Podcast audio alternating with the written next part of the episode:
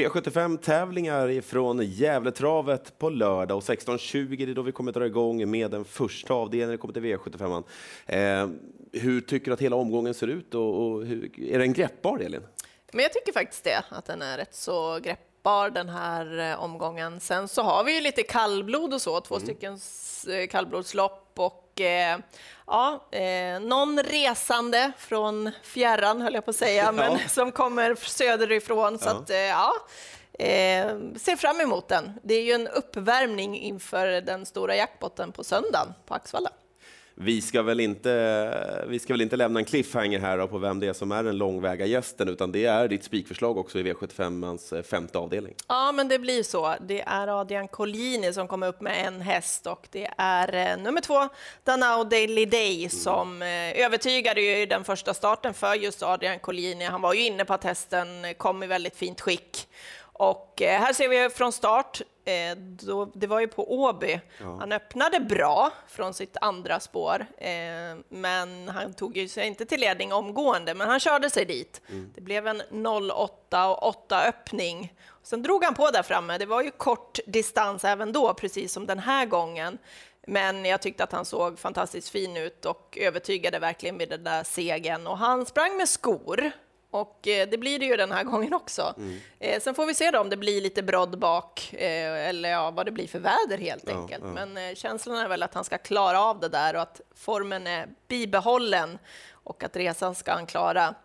Motståndet är helt klart överkomligt. Eh, jag tror att det bara hamra in den där spiken. Sen kan man ju ha lite koll inför tävlingarna där då, vad han säger själv, Adrian. Men känslan på förhand är att han har hittat en väldigt fin uppgift och därav åker han den här biten också. Ja, det är ju inte, det är inte nästgårds han ska åka, utan det är ju lämna Vomb upp till Gävle. Precis, men eh, hittade en väldigt fin, fint lopp till hästen.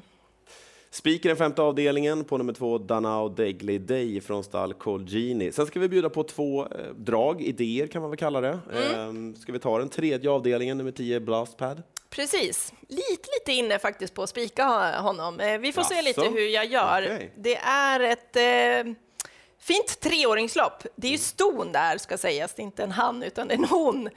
Eh, och hon eh, kom flygande ut i banan här sista gång, senast hon tävlade. Eh, jättefin. Eh, Tänk att se så där kraftfull ut över mål. Tala om att inte vara tom. Nej, men det var långt ifrån. Hon, ha, hon, har haft form en längre period och sett väldigt fin ut, men inte riktigt fått till det i loppen. Men den här gången var det dags och det var verkligen, hon stod på, på tur att få vinna lopp.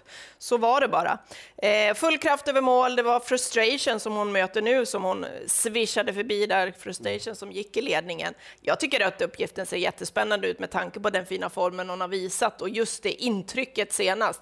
Det är ju tre treåringar som har varit med och tävlat ett tag det här och eh, minsta li lilla tempo på det här loppet, ja då tror jag hon bara blåser förbi dem. Så att, eh, ja, drag eller tänkbar spik.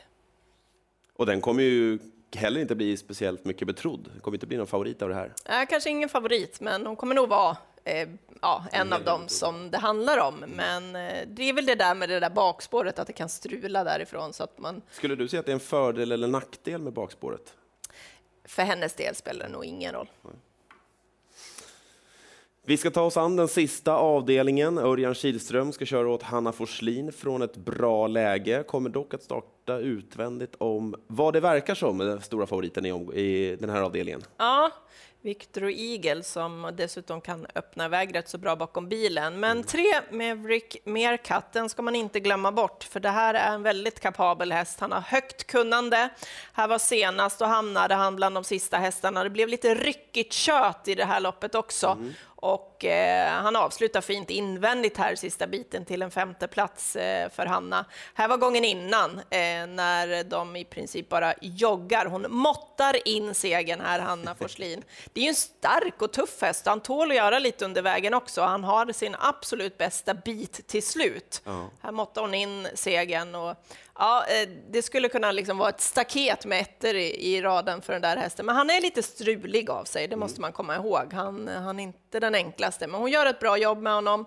Kapaciteten finns där, inte speciellt startsnabb. Han hamnar en bit bak, men jag tycker att det känns jättekul med Örjan upp. Han är ju cool, ja, det passar hästen det. bra. Och så kör han till slut. Så att, eh, se upp för Mervrick Meerkat. Örjan brukar man sällan kunna lita på, men å andra sidan samtidigt kan man lita väldigt mycket på honom. Får se om de kan eh, finna kemi där, häst och kusk. Eh, du sa också innan att vi kommer att ha kallblod som dyker upp under V75-tävlingarna på Gävle och det är i den fjärde avdelningen. Och eh, klackalva Klack-Alva invändigt på, på 20 tillägg.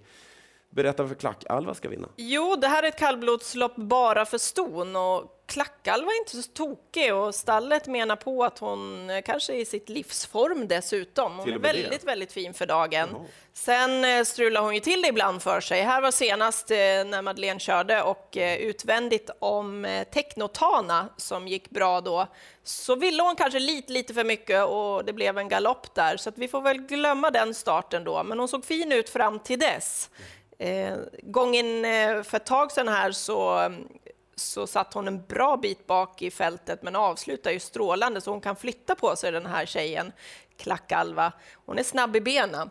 Spår 1 på tillägg. Hon är lite ojämnt startsnabb ska sägas. Eh, det beror lite på hur pigg hon är för dagen, om det går att ladda iväg. Men jag tycker att hon står väldigt fint inne i det här kallblodsloppet och hon är helt klart att räkna med. Och löser sig under vägen, ja, då har vi sett att hon kan spida en ganska lång speed.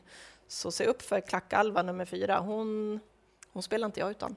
Nej, eh, väldigt låg procent då till, i den fjärde avdelningen på V75-spelet. Eh, här har vi dina idéer. Eh, Spik, Danau, Deglideir i V75ans femte avdelning. Två drag i den tredje på nummer 10 Blastpad och i den sista avdelningen på nummer 3 Maverick Mercat.